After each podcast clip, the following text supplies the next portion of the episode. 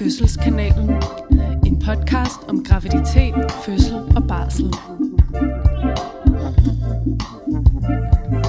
Hej Fred. Hej Sid. Er du klar til dagens podcast? Det er jeg rigtig meget faktisk. Ja, det er et godt, godt emne i dag. Det er et vildt spændende emne, jeg glæder mig helt vildt meget. Ja. Det er faktisk også ret lang tid siden, jeg har fået sådan diskuteret det her. Altså, okay, lige nu er det ikke så lang tid siden, fordi jeg diskuterede det med nogle veninder i går, mm-hmm. fordi vi skulle optage om det, men ellers er det lang tid siden, jeg sådan har rigtig sat mig ned og tænkt godt og grundigt over det. Ja, også mig. Mm. Men det gør vi nu. Det gør vi nu. Har du lyst til lige at fortælle, hvad det er, vi skal snakke om i dag? Ja, i dag skal vi snakke om de scanninger, man bliver tilbudt i løbet af graviditeten. Mm-hmm. Øhm, nakkefoldsscanning og gennemscanning, eller hvad man kalder dem. Kært barn har mange navne. Lige præcis. Øhm, det vi også kalder fosterdiagnostik, altså hvor man sådan prøver at lave nogle screeninger på hele befolkningen og se, om man kan finde de børn, der skulle fejle noget allerede i graviditeten.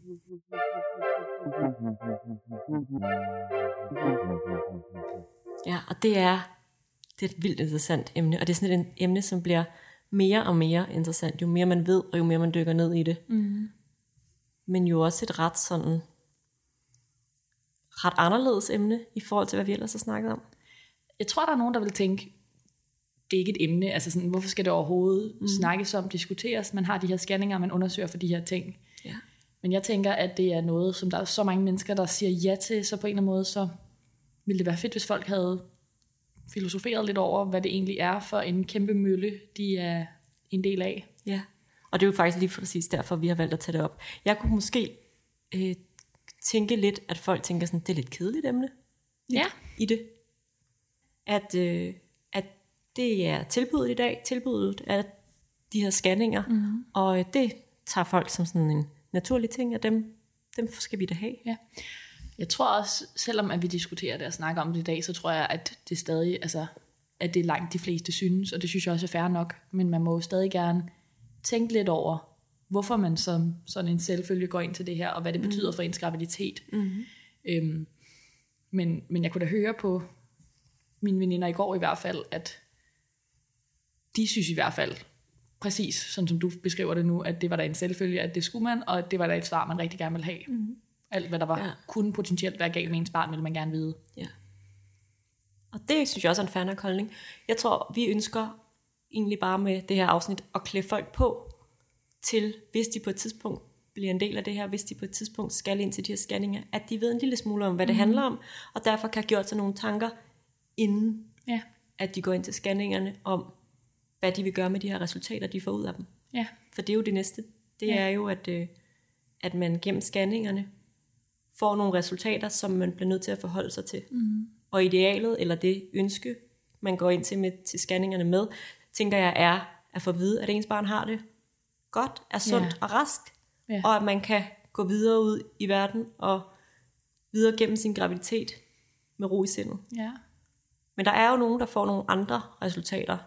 Og det skal man jo på en eller anden måde være forberedt på, når man går ind til sådan en, en undersøgelse. Ja. Men noget, som jeg også synes er lidt interessant i forhold til, det er sådan en situation, der godt kan opstå nemt, når jeg sidder og snakker med mine venner, som jeg gjorde i går, hvor jeg tænker sådan, jeg prøver lige at tænke en ekstra gang, og prøv lige at overveje det og det og det. Og, øh, og så her for nylig, så blev Nina, en af vores veninder, gravid. Og jeg har virkelig været sådan, oh my god, det er sådan øjenåbner for mig, at sådan Ja. være ved siden af en, der er gravid, fordi jeg blev også altså sådan helt obsessed fra sidelinjen. Jeg synes faktisk, 12 uger var virkelig lang tid. Det er og jeg, vildt lang tid. Altså seriøst, jeg er jo bare en veninde, ikke?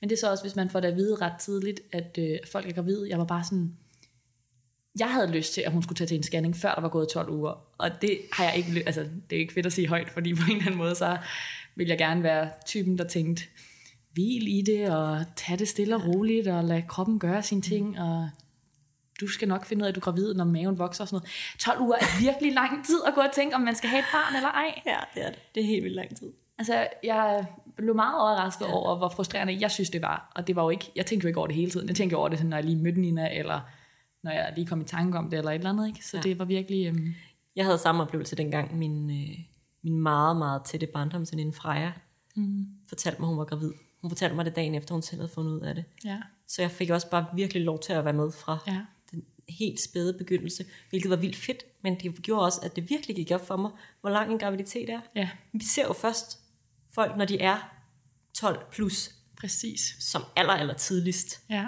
i graviditeten. Ja, de er ofte nærmest halvvejs, når vi ser Ja, dem, ikke? så på en eller anden måde, så de der, de der første 12 uger, de har ikke rigtig eksisteret i min bevidsthed, Nej, indtil, præcis. indtil fra jeg blev gravid. og Jeg Ja. tænkte sådan, hold da op, en graviditet er Ja. egentlig ret lang.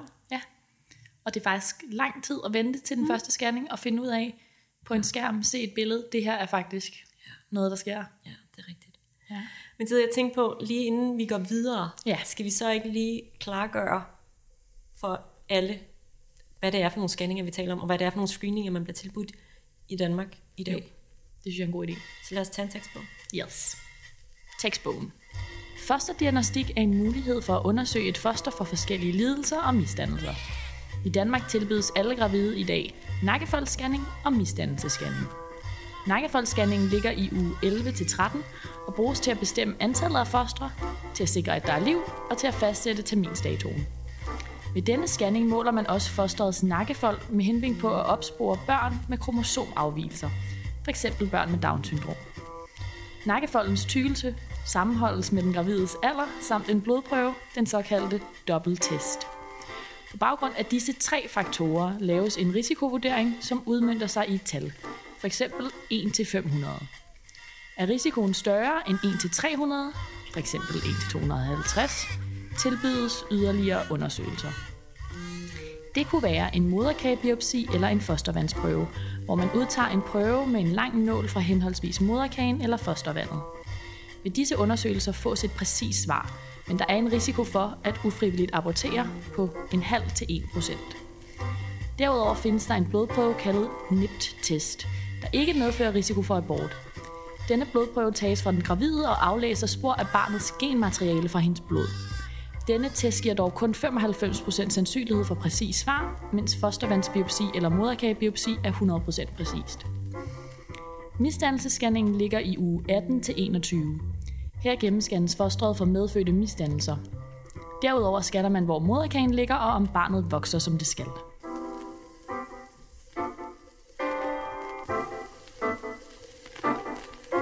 Altså jeg tænker noget af det første interessante at snakke om, når man lige sådan har hørt den her tekstbogen, det er det her med, at der er risici ved de tests, som rent faktisk giver et præcist svar, altså moderkageprøve og fostervandsprøve, ikke? at man skal, hvis man er en af dem, der får en høj risiko, så skal man ligesom afklare med sig selv, om man er villig til at tage en test, som der er en ikke stor, en lille risiko for, at man får en ufrivillig abort. Men det tankevækkende i det her med de forskellige risici, og det er jo vigtigt at vide, at alt, alt scanning er sådan en risikovurdering.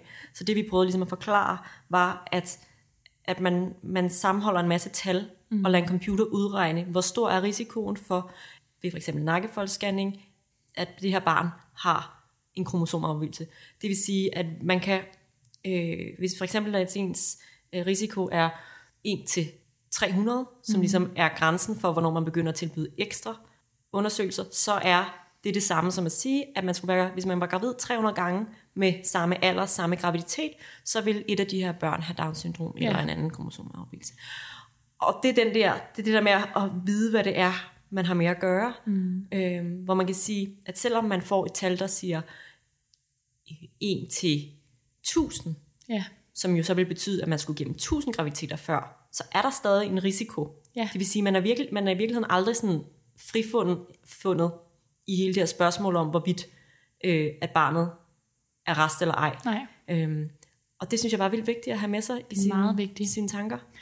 Og jeg tænker også, at det er vigtigt at have med i forhold til, hvis du siger 1 til 300, det er der, hvor vi begynder at tænke, at der er en stor risiko. Men 300 graviditeter, ikke? det er jo, altså, det er jo fuldstændig out there. Det er der jo aldrig nogensinde nogen, der kommer til at have. Og det skal man jo have, før man får et barn med Down-syndrom. Og det kan jo selvfølgelig godt være, at det er det barn, man har nu. Mm. Men det er bare, det er bare værd at lige tænke over, hvad betyder Helt det her tal? Fordi 1-300 kan lyde voldsomt.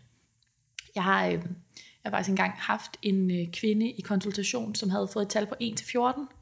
Og det lyder jo sindssygt højt, hvis man bare tænker, grænsen er 1-300 for, at vi tilbyder videre undersøgelser. Ikke? Men hun skulle have 14 graviditeter, før hun ville få et barn med Down-syndrom. Ja. Og det altså 14 graviditeter, som var man til den, hun har nu. Ja, ikke? lige præcis. Øhm, og hun havde fået at vide til scanning, hun var faktisk ret berørt af situationen, for hun havde fået at vide af den, der havde scannet hende, sådan, tag du ud på en eller anden mark og skrig og mm. få følelserne ud og så videre, hvor jeg var sådan, ja, altså det er selvfølgelig voldsomt at få at vide, men man kunne også have sagt til hende, okay, slå lige koldt vand i blodet mm. og overvej, hvad det her betyder. Hvad det her ikke? betyder, ja. Og jeg synes jo, når vi snakker om de her risici, så er det vigtigt også at pointere, at det der med den, de ekstra undersøgelser, som man bliver tilbudt, dem er der også en risiko for. Og der mm. er en risiko for abort.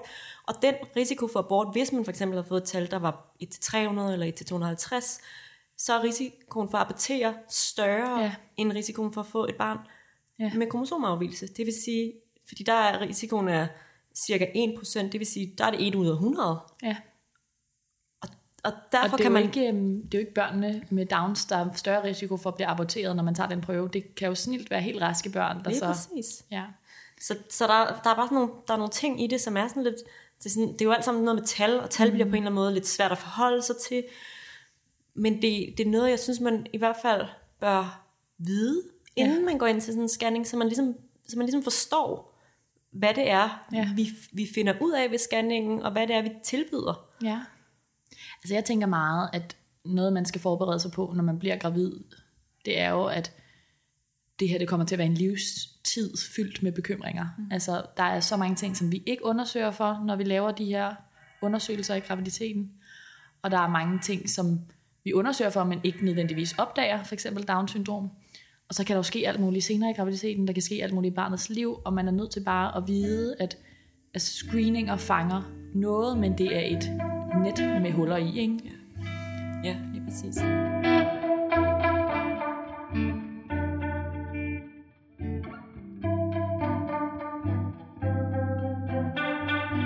Den næste scanning, der jo så er, det den, det er- det er gennemscanning, eller det, som man kalder for misdannelsesscanning også.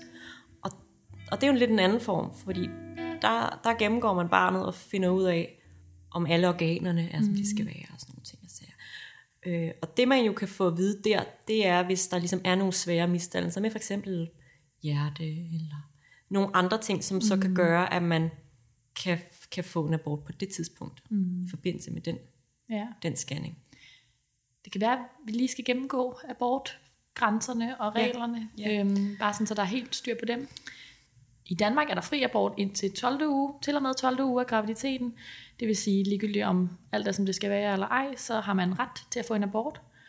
Og så øh, efter 12. uge, så kan man søge om tilladelse fra samrådet. Ja. Og det kunne jo for eksempel være, hvis man har øh, fået en nakkefoldsscanning eller en gennemscanning, som viser, at det her er et barn, der kommer til at være sygt.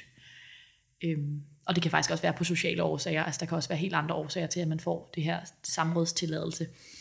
Øhm, men det skal lige siges, at det er ret sjældent, at man får tilladelse efter uge 22, ligegyldigt hvad, Ja. hvad det er. Så der er sådan et spænd fra uge 12 til uge 22, hvor de her samrådsaborter, øh, som man også kalder dem, finder sted. Ja. Og som du lige nævnte, så er det enten på grund af noget, der er galt med barnet, eller en social situation. Og det kan både være, at man er, er meget ung, mm. eller at man simpelthen ikke har midlerne til at tage sig af det her barn. Ja. Øhm, det kan også være de der skrækkelige tilfælde, hvor, at, øh, hvor at, øh, hvad hedder sådan noget, fosteret ligesom er opstået i forbindelse med en voldtægt, eller nogle andre ting Ja. øhm, hvor der virkelig er nogle årsager, der, der vejer, vejer tungt. Øhm, og der, det er jo det er så, sådan, så fluffy det her, fordi hvad skal der til, og hvad, hvornår kan man få det, og hvornår kan man ikke få det. Øhm, sådan grund, grundprincippet, hvis vi ser bort fra de sociale øh, årsager, så er grundprincippet ligesom, at, at der er nogen, der vurderer, at det her ikke er et, le, øh, et levedygtigt, eller i hvert fald ikke et værdigt liv, mm. som man, man bærer rundt på. Altså det er der, hvor jeg synes, at det her det bliver sådan ægte spacey. Det er den der idé om, at vi kan...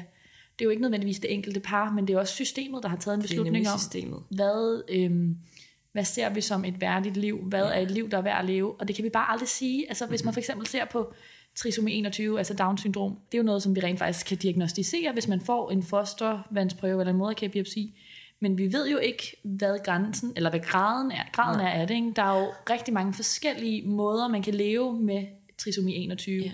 Så på en eller anden måde, så prøver vi at lave nogle bokse. Mm. Så det er jo på en eller anden måde et menneskesyn, vi har valgt at have, ja. og det synes jeg bare er super mærkeligt. Ja, og det er, tænker jeg, er også et økonomisk, en økonomisk beslutning mm. fra, fra statens side, at man ligesom tilbyder det, fordi man ved, at det er dyrere Ja, øh, for samfundet at have ja, børn med Downs, eller mennesker med Downs. ja. Øhm, Jeg ved heller ikke, altså, det, jeg synes, det er fint at have den her samtale nu og sidde og snakke om det og tænke over det, men jeg ved jo reelt heller ikke, hvordan jeg selv ville reagere, hvis det var mig, der var gravid og fik de her tal. helt klart. Øhm, jeg har også tænkt meget over det her med, hvordan det har været for en at blive gravid, om det har været en lang proces, om det har været svært for en, mm. øhm, og hvor distanceret man er over for graviditeten. Jeg tror, der er mange, der ligesom ikke knytter sig så meget, før de har været til de første scanninger. Ja. Jeg tror virkelig, der er stor forskel på, hvordan folk... Og så tror jeg, at omvendt, der er nogen, der bare har brugt 12 uger på at tænke helt vildt meget på det her barn, og, øhm, og ser det på det på en helt anden måde. Jeg tror, der er så kæmpe forskel på, hvad, hvad det betyder for en. Ja, det tror jeg, du har ret i. Øhm, ja, men for lige sådan at slå en krølle på det her, så, øhm, så, så vid, at det her er et tilbud, Ja. og det er et tilbud, som jo også er en ting, som mm. man nogle gange godt kan være lidt i tvivl om det er, fordi det, det er så meget en selvfølge. Øh, og den måde, som det bliver præsenteret på fra sundhedssystemets side, er også, at så skal du også lige til disse Ja. scanninger. Ja. Øhm, men det er altså et tilbud. ja. Så man må gerne overveje det. Så man må, gerne, man må gerne overveje det, og man må også gerne takke nej. Ja. vi har en fælles veninde og kollega, som, øh, som er sådan ret nylig gravid, og hun fortalte sådan en meget sjov historie om øh, hendes første kontakt med, med sin egen læge, eller det var så sygeplejersken hos sin egen læge, hvor hun ligesom ringer op og fortæller, at hun er gravid, øh, og på det her tidspunkt tror jeg, hun er 10-11 uger henne, og, øh, og sygeplejersken går helt i panik i telefonen og siger sådan, åh oh, nej, men hvad med nakkefold? Og så skal vi skynde os at få bestilt en tid, og øh, snakker en hel masse med sig selv, og, og øh, vores kollega beskriver ligesom, at hun kan ikke rigtig få et ord indført her. Så, så sygeplejersken når og siger, nej, men jeg må lige ringe dig tilbage, og øh, lige, lige finde ud af, hvordan vi gør, og snakke med lægen, og sådan. Og hun når lige at sige, inden at sygeplejersken ligger på, jeg er ikke interesseret i nakkefoldsscanning. Mm. Og det var ligesom ikke, der var ikke nogen, der sagde, har du lyst til at blive nakkefoldsscannet? Nej, Det var ikke det, der var nej. Var sådan udgangspunktet. Det var ligesom sådan, åh oh, nej, det skal Ja. også nå. Så, så det kan godt komme, meget hurtigt komme til at fremstå som sådan en sådan en ting, man skal. Ja, og Det jeg, skal man altså nu ikke. ved jeg så ikke, hvordan resten af samtalen gik, men jeg forestiller mig også, at sygeplejersken ikke bare har været sådan, fint nok, men har været sådan, okay, er du sikker på det? Og, Ved du, hvad det indebærer Ja. og sådan nogle ting. Ja. men måske kan man også nævne, at det er jo, man kan jo også faktisk godt tage til den her scanning og få eller sige, at man ikke vil vide barnets nakkefolds tykkelse. Altså sige, at man vil ikke have noget sådan på den måde screening, men man vil gerne vide, at der er et barn, og at det lever. Og der måske kun er et, Ja. ja. to og sådan nogle ting. Ja, det, og det er også en helt, det er sådan en helt okay måde at gøre det Ja. på. Øhm, så det kan man sagtens gøre. Ja, Der er ikke nogen, der siger, at man skal have svar nej. på det hele.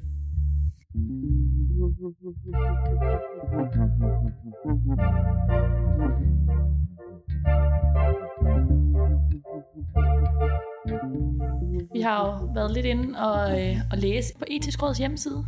Etisk Råd er sådan faktisk et ret interessant sted at, at starte, fordi de har brugt rigtig meget energi på at snakke fertilitetsbehandling og fosterdiagnostik. Og hvis man vil, så kan man gå ind på Etisk Råds hjemmeside og læse lidt om det. Men de har skrevet sådan, for at man kan tænke lidt over, hvad det er, man går ind til, så har de skrevet tre spørgsmål, man kan tage udgangspunkt i. Ja, det har vi tænkt os at gøre. Yes. Ja. Hvad kan det betyde for et samfund, at mennesker med visse lidelser sorteres fra? Ja. Det, øh, man, man har jo set, at efter man er begyndt at tilbyde øh, nakkefold til alle, mm. så er antallet af, af, af børn født med Downs jo faldet drastisk. Mm. Og det gør jo, at ikke nok med, at man er lidt mere alene i verden, det gør også, at man måske er lidt mere en fejl, end man tidligere har været. Mm. Man er ikke bare tilfældigvis et barn, der er kommet til verden, lidt anderledes end gennemsnittet. Man er nogen, der ikke er blevet fundet på en, på en screening. Ja, det er rigtigt. Øhm, Det er ret interessant. Ja, det er det nemlig. Og det er også, det er også lidt... Det er fordi, vi på en eller anden måde, land, som land har vi taget aktivt stilling til, eller det har vi jo så ikke alle sammen gjort, men der er i hvert fald blevet taget stilling til, at hvis vi kan undgå det, så vil vi gerne undgå, at der bliver født børn med Downs. Det er jo ret specielt at blive født ind i det. Jo, og man kan sige, at der er jo rigtig mange andre ting i samfundet, som er rigtig dyrt. Mm. Som måske endda er selvpådraget. Altså mm. sådan noget som rygning koster jo også samfundet vildt mange penge. Og det er jo noget, som man, den enkelte borger ligesom selv har taget stilling til. øh, at gøre, Ja. og så på baggrund af det, måske senere i sit liv, får nogle sygdomme. Ja. Øhm, så, så det er det der med at ligesom vurdere, at det vil vi gerne bruge penge på, men vi vil ikke bruge penge på denne her form for mennesker. Ja. Det er også en lidt ekstrem situation. Ja. Jeg synes også, altså når man tænker på det her, synes jeg, hele det her med abortgrænser er en meget, meget, et meget syret koncept for mig, Ja. fordi jeg, altså, nu går jeg ind for, at der er fri abort, og jeg synes, det er godt, at man har muligheden, og jeg synes også, det er godt, at der eksisterer samrådet, og man ligesom kan tage det op til diskussion et længere stykke ind i graviditeten.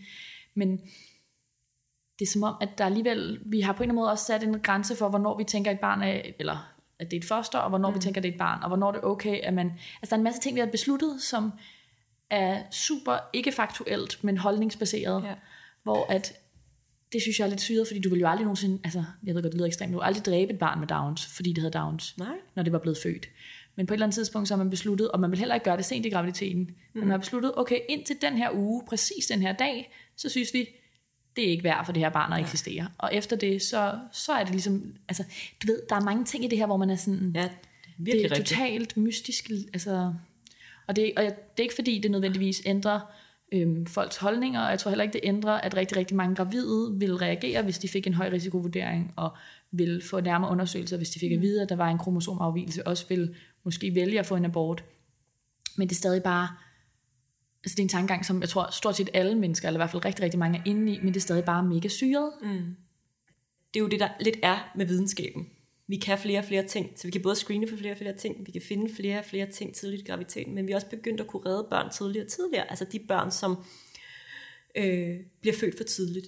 Så vi begynder at være et sted, hvor abortgrænse og grænse for, hvornår vi begynder at redde mm. børn, mm. er sådan virkelig tæt op af, hin- Ja. af hinanden. Altså, at det, der ikke er så langt fra, øh, fra en samrådsabort i uge 22 til et barn, øh, som bliver reddet i uge 25, Ja. 26. Ja. Men der er mange af de her ting, der gør det hele lidt syret, fordi Ja. det er noget, vi beslutter. Og det er ikke fordi, jeg synes, vi ikke skal beslutte ting, og jeg synes også, det er fantastisk, at vi har mange af de redskaber og muligheder, vi Helt har. klart. Det gør det bare verden til et mega mærkeligt sted at være. Det gør det nemlig, fordi man kan også sige, at nogle af de børn, som vi redder meget, meget, meget tidligt, som, havde, som var meningen skulle have været inde i mors mave i, i mange, mange flere uger endnu, de kan jo også risikere at få nogle ting, altså få nogle sygdomme, fordi mm. de er født så tidligt, og fordi mm. at øh, de ikke er så veludviklede. Ja. På det her det er tidspunkt. Jo, ja, det er jo lidt et sidespor, men, men det er jo ret interessant det der med, at du kan redde et barn, der bliver født i uge 25, mm. uden at det får særlig mange skavanker. Og så kan der blive født et barn måneder senere, altså mm-hmm. i uge 32, 34, som får skavanker. Ja. Og det er det, der gør, at vi ved, vi ved jo ikke noget, før børnene er blevet ældre. Og det er det samme med de her ting, som vi screener for.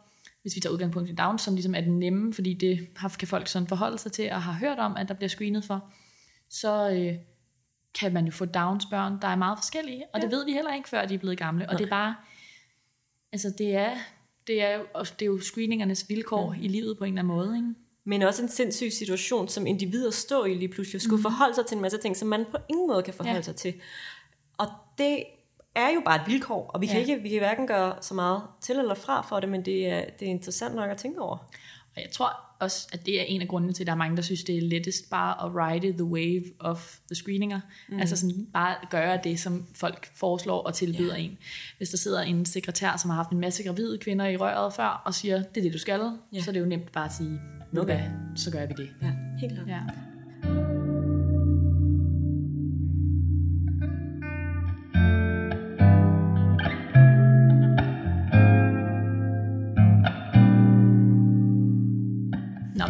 At det faktisk leder meget godt op til det næste spørgsmål, som Etisk Råd har stillet op, øhm, som er antallet af kvinder, der ikke ønsker fosterdiagnostik, udgør i dag ca. 2%. Hvorfor tror I, at langt de fleste kvinder tager imod tilbud om scanning af deres fostre? Og altså, det tænker jeg er lidt det, som jeg lige kom til at sige lidt tydeligt der, men at det er bare den nemme løsning. Det er en selvfølge, at man ligesom tager imod de her tilbud, man får, og det er det, de fleste gør, og man, altså man mere skal melde fra, end man skal melde sig til. Ja. Og så tror jeg også, altså helt ærligt, så tror jeg også bare, det har rigtig meget med nysgerrighed at gøre. Nakkefolk, se du er gravid, gennemscanning, få at vide, om det er en dreng eller en pige. Altså, jeg tror, der er mange andre sådan glædelige ting ind over det, som folk sådan gerne vil have. og, øh, og forbinder mere med de her scanninger, end de tænker, at det er, det er screeninger på den måde. Og det er jo så også, altså det er jo for en af grundene til, at det er meget interessant, om man kalder det en misdannelsescanning, eller en gennemscanning, eller scanning i uge 20, eller hvad man nu vil kalde den scanning nummer to. Det er, altså, hvad er en indgang til det? Tænker ja. man, jeg skal ind og se, om det er en dreng eller en pige, eller tænker man, jeg skal ind og se, at der er arme og ben, og at hjertet slår, som det skal, og så videre, ikke? Ja. Øhm, og, og jeg tror, det er, jo, det er jo bare meget interessant det der med, at antallet er så lavt i dag, som, som 2% jo nu engang er. Mm. Øh, det er så de 2%, som har taget stilling til, at det vil de ikke. Ja. Øh, og, og bare da jeg blev født, min mor blev ikke tilbudt nogen scanninger. Dengang blev man tilbudt scanning, hvis der ligesom var en indikation for det. Det vil sige, hvis man var, øh, jeg tror det var sådan noget over 35, så blev man tilbudt scanninger. Men hvis man bare var helt normal ung menneske, som var blevet gravid, så gik man ud fra, at alt var, som det skulle være. Ja. Og det er jo, et helt, det er jo sådan et helt andet perspektiv på det, i forhold til det, man så gør i dag, som jo så er normen i dag, er, at man bliver scannet de her to gange, og hver gang er det ligesom den her scanning, som siger til dig, alt er, som det skal være. Mm. Nu kan du ånde op ind til næste scanning, så får du det at vide, alt er, som det skal være, så kan du ånde op igen. Ikke? Ja, det er virkelig rigtigt. Det er sådan en helt anden måde at gøre det på. Øhm, og man kan sige, hvis man som samfund siger til kvinder, der er ikke noget at være bekymret for, du er helt normalt gravid, det er der ikke nogen grund til at scanne for, så er det den opfattelse, man som kvinde har. Der er ikke nogen grund til at være bekymret her, men hvis man, hvis man tilbyder scanningen, der, dit barn kan måske have medfødte misdannelser, er du sikker på, at vi ikke lige skal tjekke for det? Ja. Så bliver det jo også det, man som gravid tænker er det bedste. Ja. For hvorfor sige nej til de her Ja. ting? Hvorfor ikke vide? Ja. Jeg tror også, i forhold til det, så tror jeg også, at der er nogen, der godt kan, altså inden de tager til scanninger, hvilket jeg faktisk synes er meget cool, afgøre med sig selv, hvad vil jeg gøre, hvis jeg fik det svar, hvad vil jeg gøre, hvis jeg fik det svar, men ikke nødvendigvis øh, har besluttet sig for, at de vil have en abort, men faktisk bare gerne vil vide, hvad skal jeg forberede mig på? Altså, øhm, hvis jeg får et handicappet barn, hvad for, nogle, altså, hvad for nogle ting kan jeg gøre i løbet af de næste 4-5 måneder, som gør det nemmere for mig at tage imod det her barn? Og det synes jeg faktisk er meget fair. Men det er jo også en, det er også en, en, en fin måde at, mm. at være i det på. Så jeg tror derfra til at sige, jeg vil slet ikke have de her screeninger, som mm. kunne fortælle mig noget om, om, hvad for et barn jeg kommer til at få. Jeg tror, der er mange, der har rigtig svært ved at sige helt nej til det. Ja, men det er jo også det, som måske lidt af min pointe, at det lige pludselig bliver et fravalg, Ja, og at det er det, der er det lidt sådan scary mm. i den måde, det er bygget op på nu, at du, det bliver et fravalg. Det vil sige, vælger du ikke at få en scanning, så er det også lidt dit ansvar, mm. hvis du ender med at føde et barn med misdannelse, for du har sagt nej til noget, der kunne have forberedt dig bedre. Ja. Og det, det, det bliver ikke længere bare sådan et livsvilkår. Det her var det barn, jeg fik, men det bliver, det, det bliver en konsekvens af et fravalg, du har taget på et Ja. tidspunkt i din graviditet. Og det tror jeg både er en, en følelse, man har i sig selv, men jeg tror altså også rigtig meget, det er noget, man møder fra omverdenen. Altså hvis man nu sammenlignede det med at få blive tilbudt mammografi, hvis mm. du er en kvinde, og øh, altså det er så screening for brystkræft. Øhm, hvis man takker nej til det, og man så finder ud af, at man har brystkræft senere, Ja. jeg tror, man mig selv i hvert fald, hvis det var mig, der stod i den situation, så tror jeg, jeg ville være rigtig bange for, hvad folk omkring mig tænkte om mig. Altså, at det var dit tænkte- ansvar, du havde Ja. fået brystkræft lige pludselig. Ja, hvis du havde opdaget det et år før, så havde vi kunne gøre nogle helt andre ting, eller altså sådan på en eller anden måde, mm. at ja, det er da et chok at finde ud af, men det kunne have været knap så meget et chok lige nu, hvis du havde vidst det tidligere. Mm. Altså sådan, at man på en eller anden måde skal som, argumentere for sit valg. Og det synes jeg egentlig er en lidt ærgerlig tankegang, fordi man skal jo vide, at det her er en screening, det er et tal, man får. Hvis man sætter sig ned og undersøger det, så kunne man godt argumentere for, at risikoen for at få et falsk positivt svar, altså en høj risikovurdering, mm. og så finde ud af, at ens barn havde det godt, eksisterer. Og derfor vil man bare have rigtig, rigtig mange bekymringer. Altså der er rigtig meget bekymring, ikke bare i det at tage, sige ja til scanningen, men også det at få et tal, mm. og måske skulle til videre undersøgelser. Og der er rigtig, rigtig mange, som bruger rigtig meget energi på det, uden at der egentlig var nogen grund til det. Ja. Det synes jeg er en færre grund, hvis man er en af de 2%, som tænker, at det vil man ikke. Alt er jo fair. Det er jo det, der er er, er, er, lidt af, Alt er fair. hvad hedder sådan noget, ideen det her hele er jo at på en eller anden måde vide, mm. at du må godt sige nej. Mm. Du må også gerne sige ja. Ja. Du må gerne beslutte dig for at få en abort. Du må, Ja. ja. du må det hele. Det, der er vores ønske, det er, at du at man ved en lille smule om, hvad det er, man går ind til, når man, når man går ind i møllen. Ja, men, men der er jo kæmpe forskel på, at vi sidder og snakker om det mm. nu, og tænker, det, det vil vi synes var fair, hvis der kom en gravid mm. hen til os, fordi vi også selv har tænkt over nogle af de her ting. Ja. Og så hvis man skulle fortælle ens mormor, at man var gravid, men man havde sagt nej til scanningerne, og så skulle man sidde og forklare hende om falsk positive mm. og falsk negative og bekymringer og statistik ja. og sådan nogle ting, hvor at... Og det kan også være mormoren, fordi hun er fra en anden generation, bare vil sige, hvorfor, hvad skal du da også bruge alle de scanninger ja, til?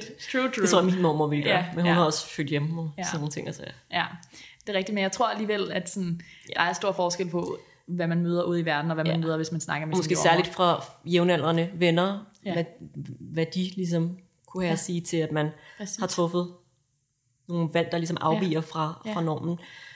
Og så har jeg lyst til at sige, og det synes jeg er en ond tanke, men jeg tror på en eller anden måde, det er sandheden, at får du et barn med Down-syndrom, og du har sagt nej til scanningen, så er det en anden situation, end hvis du har fået et barn med Down, så fået at vide, at der var en til 10.000 sandsynlighed for det, så kan du på en måde være vred på scanningen, du kan være vred på systemet, mm.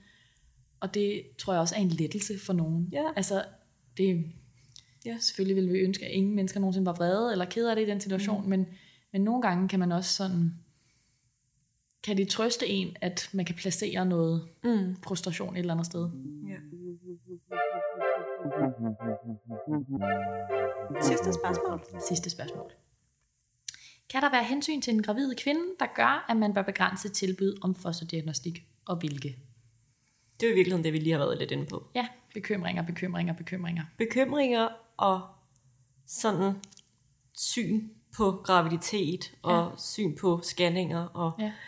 øh, altså jeg, jeg kender også, jeg ved ikke, du kender nogen, som ligesom, for eksempel min far, så bliver han tjekket en gang imellem, for om der skulle være et modermærke med mm. modermærkekræft i, fordi han har haft det en gang, og min mor har en veninde, som har fået at vide, at hun har genet for altså livmorkræft, æggestokkræft og så videre, og som også ligesom skal til en masse screeninger, og det er jo en tryghed, som skaber en masse utryghed. Altså ja. det er jo hele tiden noget, man skal tage stilling til i sit liv, hvor hvis man bare var sådan, okay, super underligt scenarie, som ikke eksisterer i den her verden, ikke? men hvis man for eksempel ikke kunne få tjekket sine modermærker, mm.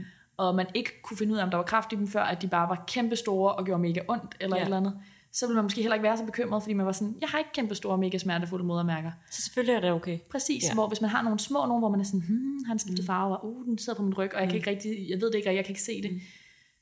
Så har man hele tiden brug for at få det tjekket. Ja, og det er jo det, der er ved videnskab, at jo mere vi kan, fordi det er jo, vi kan ikke rulle tingene tilbage. Når Nej. vi først kan noget, så kan vi ikke ikke kunne dem ja. igen.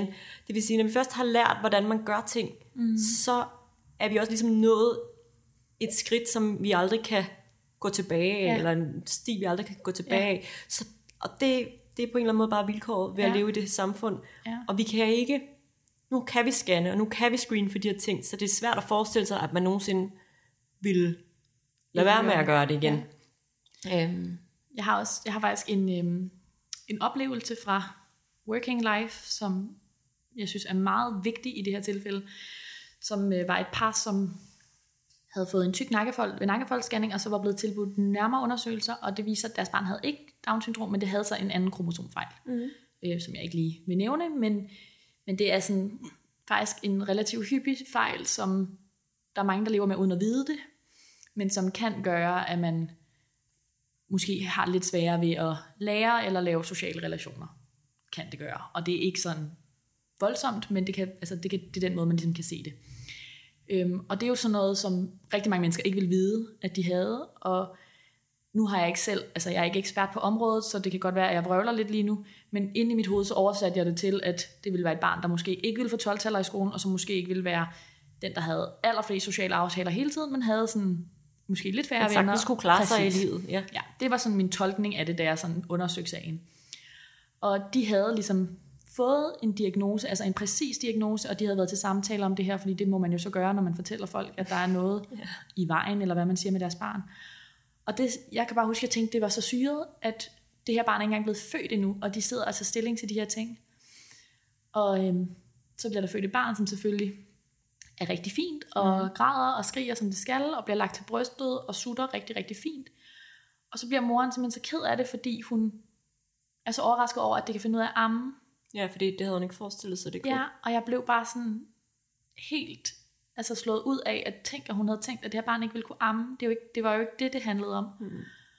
Og så prøvede vi sådan at snakke igen med hende om det, eller jeg prøvede at snakke med hende igen, og det er jo ikke, igen, jeg er ikke ekspert på området, jeg ved heller ikke, hvordan det her barns liv kommer til at være, jeg kan ikke sidde og sige til hende lige nu, dit barn kommer til at få 7 taller i stedet for 12 taller, det aner jeg ikke, det kan være, at hendes barn kommer til at dumpe en masse ting, altså jeg, der, der er noget, jeg slet ikke ved noget om, men, men min tolkning af det var en helt anden end hendes, og der tænkte jeg bare sådan, okay, hvad kommer det her til at betyde for det her barns liv? Ja. Øhm, hvis hun kan blive overrasket, det her det er en halv time efter fødslen, nu snakker vi om det igen, men hun har jo også fået samtaler tidligere. Ja. Så hvad hvis, altså der er jo så mange situationer i livet, hvor at ens barn skal kunne noget, det skal kunne gå, det skal kunne kravle, det skal kunne øh, begynde at snakke, det skal kunne en masse ting. Hvis man ikke forventer de ting af ens børn, hvad gør det så ved dem? Altså, Og ved den op- måde, man opdrager sine børn på. Ja, præcis. Det kommer jo faktisk til at præge det her barn rigtig meget. Og der tænkte jeg sådan, okay, det er jo måske fuldstændig unødvendige informationer for det her barn, og det kan være, at det gør en masse, masse rigtig, rigtig dårlige ting. Mm. Altså, og de har jo så fået mulighed for at forberede sig, men jeg ved slet ikke, om den forberedelse var en, en god ting. Nej.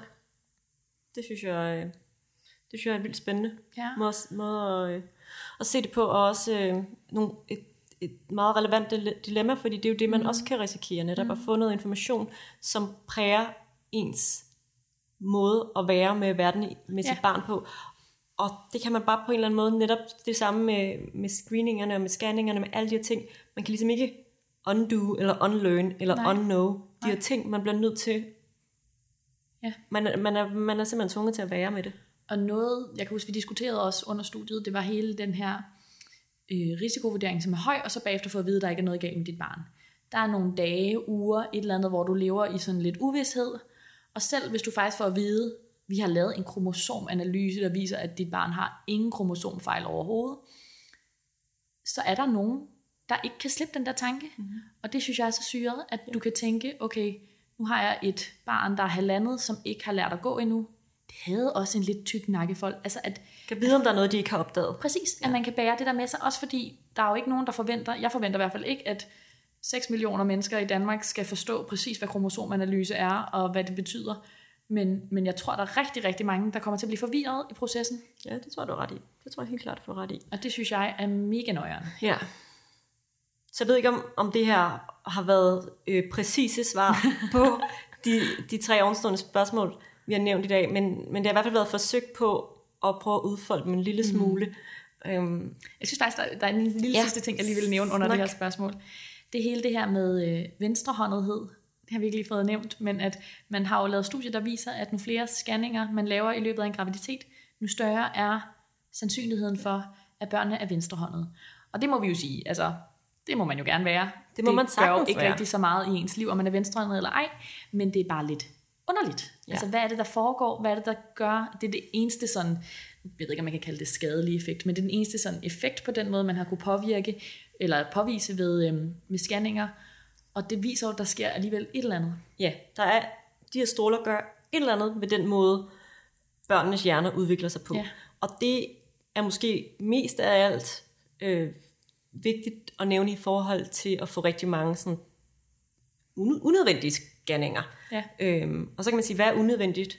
Det, det vil jeg lade op, lade op til den enkelte at vurdere, hvad der er unødvendigt for dem. Men, men måske at begrænse antallet af det, som så smart hedder tryghedsscanninger. Altså en scanning, man får for at se, at alt stadig er normalt. Mm. Den der tryghed, som jeg jo ville ønske, at enhver gravid kunne have øh, gennem sin graviditet, uden at behøve scanninger, der Ja. ligesom påviste det. Men som der måske er nogen, og man kan sige, der kan være gange, hvor det er relevant, folk der tidligere har mistet mm. i løbet af graviditeten, kan måske have et større behov for mm. ligesom at blive bekræftet i, alt det, som det skal være derinde. Ja, og så må man jo sige, hvis det eneste effekt, vi har påvist er venstrehåndethed, så er det måske fair, at man får scannet og set, at det barn har det godt. Lige præcis, fordi det kan have, have en altså ligesom større gavn, end det kan, det kan skade. Mm. Men man kan måske stadigvæk godt opfordre folk til ikke nødvendigvis at få lavet en masse 3D-scanninger er jo begyndt at blive rigtig populært, og andre former for scanninger, som, som mest er for hyggens skyld. Ja, altså og så over- bare læg hænderne på maven og mærk, at der Ja. er et barn, der er i live derinde, og mærk i din krop, om alt er, som det skal være. Og det kan godt lyde sådan meget øh, lilla og fluffigt, mm. men, men det, øh, det vil jeg alligevel opfordre lidt til, at man gør.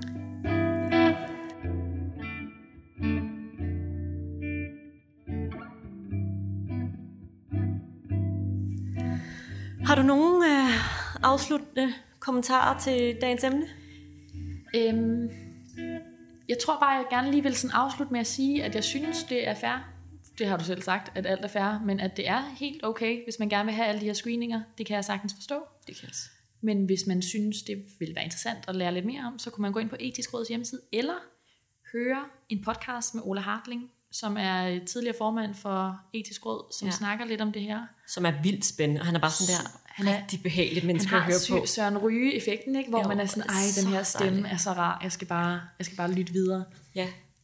Og så, øh, så har vi, vi nævnt det, nævnt de ting, vi ligesom har tænkt omkring scanninger, og så er det op til den enkelte, hvordan de vil bruge det. Og jeg mm. synes også, at det er helt fair, hvis man tænker, det, det giver ikke nogen mening for mig det her, eller sådan, jeg er ikke interesseret i at sige nej til scanninger, mm. fordi at I har en eller anden abstrakt tanke om, at det vil være et bedre, mm. en bedre måde at være øh, i sin graviditet på. Det synes jeg er helt fair. Ja. Jeg synes, det er helt fair, at man bliver påvirket også Ja. af den måde, samfundet ligesom lægger tingene frem til en. Mm. Men nu har vi nævnt det, og Ja. så kan man jo tage stilling, hvis man har lyst. Ja. Skal vi øh, afslutte med en lille brevsprække? Ja, Let's do it. Brevsprækken. Er det rigtigt, at tvillinger springer en generation over, og er det rigtigt, at det løber i familien? det, det, er, det er sådan et øh, lidt komplekst Ja. svar, der kommer til at komme her nu. Altså, det er jo sådan noget, jeg ikke ved det her. Nej, og det øh, ved jeg, for jeg ved ikke, hvorfor jeg ved det, men jeg har nok undersøgt det på et tidspunkt. af Ellers har du lyttet bedre i Ellers har jeg lyttet bedre. den dag. Ja. Men det man kan sige er, at ja, tvillinger kan være arveligt. Men det er de tvækkede tvillinger, og ikke de enæggede. Alle har ligesom muligheden for, eller risikoen, alt afhængig af, hvordan man ligesom mm. vælger at se på tvillinger, for at få enæggede tvillinger. Fordi det, der sker, det er, at ægget, der bliver ligesom frigivet et æg fra kvinden, og det her æg, det deler sig tidligt i graviditeten. Mm. Og det er sådan en mutering, hvis man kan kalde det det. Det er sådan noget, der kan ske Teenage Mutant Ninja Turtle. for alle gravide. Ja. Tvækkede tvillinger, det er det, som er arveligt. Og det er fordi, at man ligesom har et arveanlæg for at øh, modne flere æg på én gang. Okay, men hvis faren, til, altså et par, hvis der er en mand og en kvinde, der får et barn sammen, og faren har det her, øh, det løber i hans familie, så kan han ligesom ikke, Ikke- modne to æg. Nej, ikke til, sin, ikke i, øh, til det barn, han selv får, men. Nej. til det barn, han selv får. Hvis det er en kvinde, så kan han godt have givet øh, arveanlægget videre til hende. Okay. Det vil sige, så kan hun så, når hun på et tidspunkt bliver gravid, få øh, tvækkede tvillinger. Det giver et dejligt logisk mening, det her. Ja. Så man kan sige, det der med, om det springer generationer over, eller ej, det kan måske også afhænge lidt af, om det er en mand eller en kvinde, Ja. hvor stor sandsynligheden er. Der er, der er, det er sådan, øh, ja, der er en øh, sådan god sandsynlighed for, mm. at det springer en generation over, men ja. det er Ja. ikke sådan konsekvent, Nej, at det gør det. Så det var øh, et forsøg på et svar. smukt. Jeg tænker, det er nogenlunde det, For i dag. det er for i dag. Ja, jeg Ja. er meget enig. Skal vi uh, say goodbye? Say goodbye. Vi ses derude. Det gør vi. Du lytter til Fødselskanalen. Det er sgu da fedt, mand.